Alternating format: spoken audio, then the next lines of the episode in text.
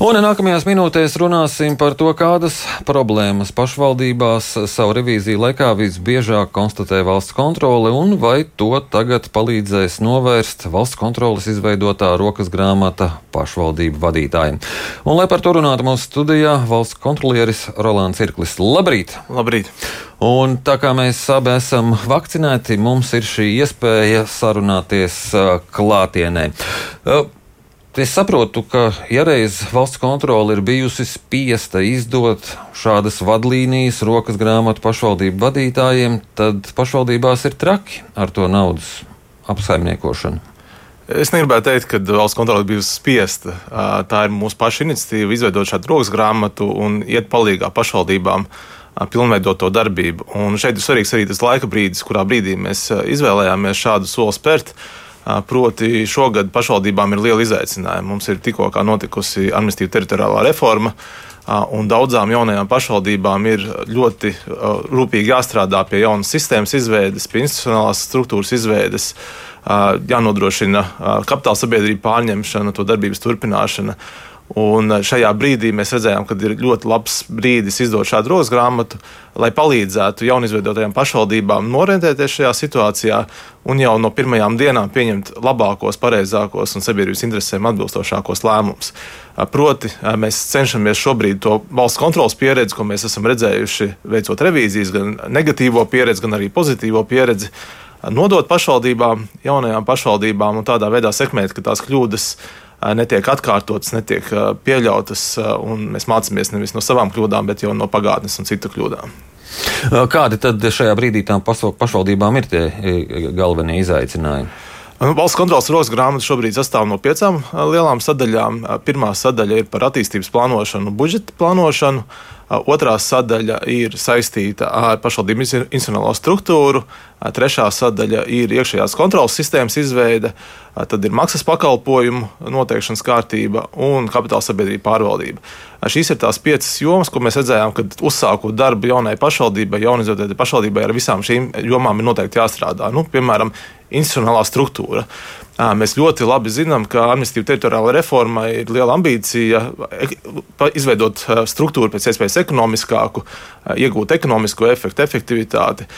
Un tad viens no mērķiem, protams, ir, ka apvienojot šīs pašvaldības, netiek saglabāta visas iepriekšējās struktūras, bet kaut kas tiek arī optimizēts. Nu, piemēram, grāmatvedības pakalpojumi, kas kādreiz bija katrā pašvaldībā, tagad droši vien varētu būt centralizēti jaunās pašvaldības administrācijā ne, un, un tam līdzīgi. Tā kā pašvaldībām ar šiem jautājumiem ir jāstrādā.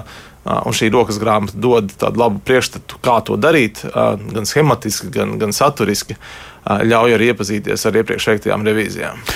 Jums šķiet, ka tagad tā, tās struktūras optimizēsies un kaut kas ietaupīsies. Mēs te pētījām, ka tieši otrādi pašvaldības runā, ka štatus vajadzēs vairāk, struktūras izplūdīs.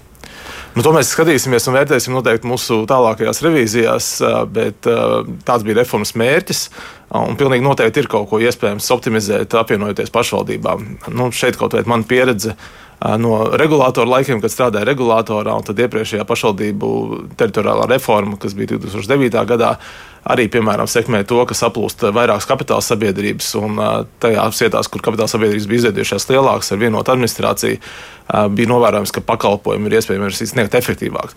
Tā kā mana pieredze liecina, ka tā optimizācija ir iespējama, šīs reformas mērķis ir arī optimizēt pašvaldību darbu. Un, uh, tas ir tas, ko mēs droši vien visi sagaidām. Tādēļ uh, šī rokas grāmata ir kā palīgs, bet vēlāk valsts kontrole noteikti caur savām revīzijām arī varēs nonākt pie secinājumiem, vai tas ir izdevies vai nē. Mhm. Tas ir tikai palīgs, ja tās tādas stingras vadlīnijas, ka jūs iesiet ar kontroli un teiksiet, kāpēc jūs darījāt tā, mēs tā kā rokas grāmatā esam norādījuši šitā. Uh, nu, ļoti stingras vadlīnijas nav, rokas grāmata nav likums. Uh, tiešām tas ir kā uzskats materiāls. Uh, Tajā pašā laikā tur ir atspoguļoti revīzijās nu, konstatētie secinājumi. Un, un revīzijas secinājumi ir diezgan saistoši mums tām pašvaldībām, pret kurām nu, kurā brīdī tā revīzija ir veikta. Kā, no vienas puses, protams, tas nav likums, bet, bet pašvaldībai noteikti vajadzētu vadīties pēc šī dokumenta Un gadījumā, ja mēs redzēsim pretrunas vai, vai to, ka pašvaldība neveic savas funkcijas atbilstoši šiem mūsu secinājumiem, kur arī izriet no likumiem, tā skaitā, tad, protams, kad valsts kontrole var arī sniegt atkal ieteikumus un, un, un aicināt uzlabot šo darbu. Bet tad pašvaldības varēs atsaukties arī uz rokas grāmatu, teikt, ja jūs kaut kādu pārmetumu izteiksiet, jūs pašvaldība varēs teikt, bet re, kur jūsu rokas grāmatā rakstīts šitā, mēs tā arī darījām. Jā, nu, mēs priecāsimies, ja pašvaldības izmantos mūsu rokas grāmatu un, un, un tiešām adīsies pēc tās. Savukārt mūsu uzdevums būs pārbaudīt, vai tas tiešām ir noticis pēc būtības un, un, un atbilstoši. Bet līdz šim tās galvenās problēmas, ar ko valsts, valsts kontrole ir saskārusies pašvaldībās, kādas tās ir? Un tās ir ļoti daudz, un tās ir bijušas katrā no šīm jomām, ko es faktiski uzskaitīju. Nu, varam paņemt par piemēru attīstības plānošanu, budžeta plānošanu, un, kad bieži vien tā notiek formāli. Faktiski šie attīstības lielie projekti brīžiem notiek spontāni, haotiski, nav sasaistīti ar šiem attīstības plānošanas dokumentiem.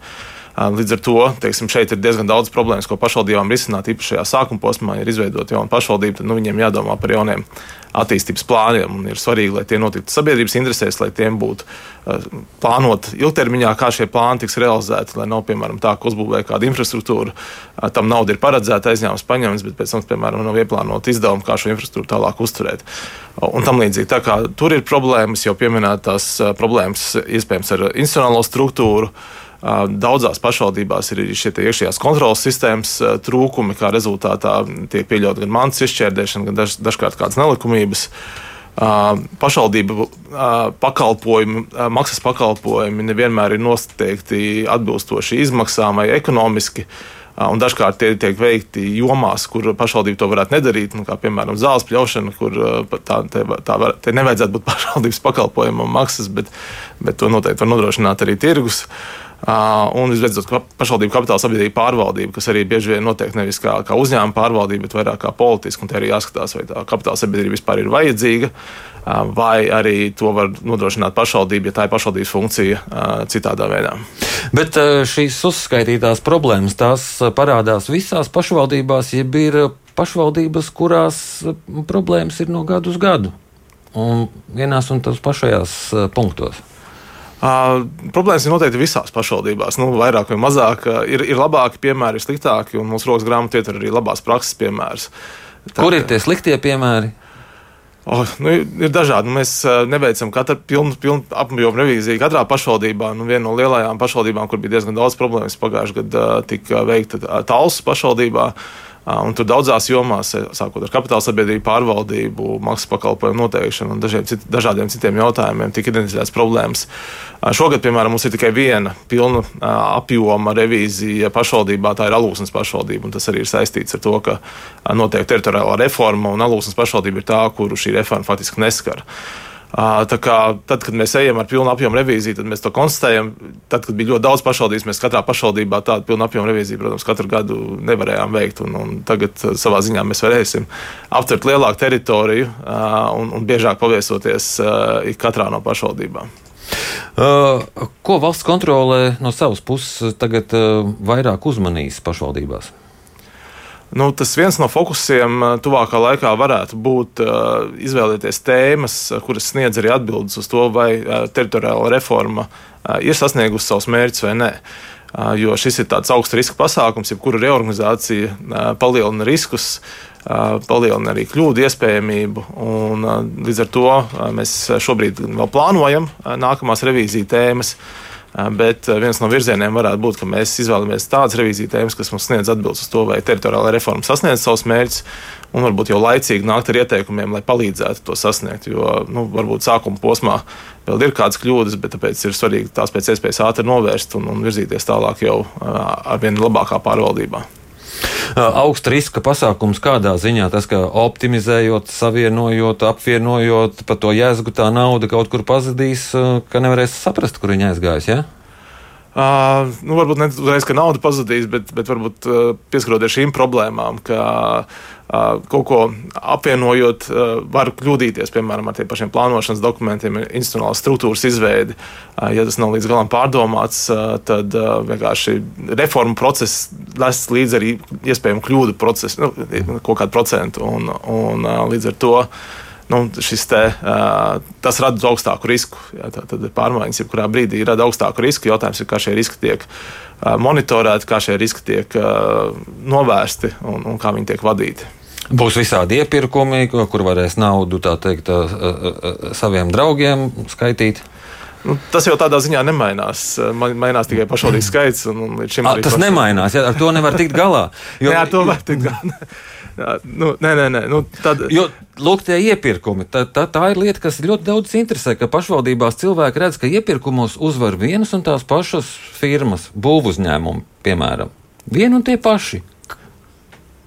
Jā, iepirkuma jautājums tas primāri ir, ir protams, iepirkuma uzraudzības biroja kompetence izvērtēt iepirkumus, un savukārt korupcijas uh, gadījums ir primāri jānovērš korupcijas novēršanas apkarošanas birojam.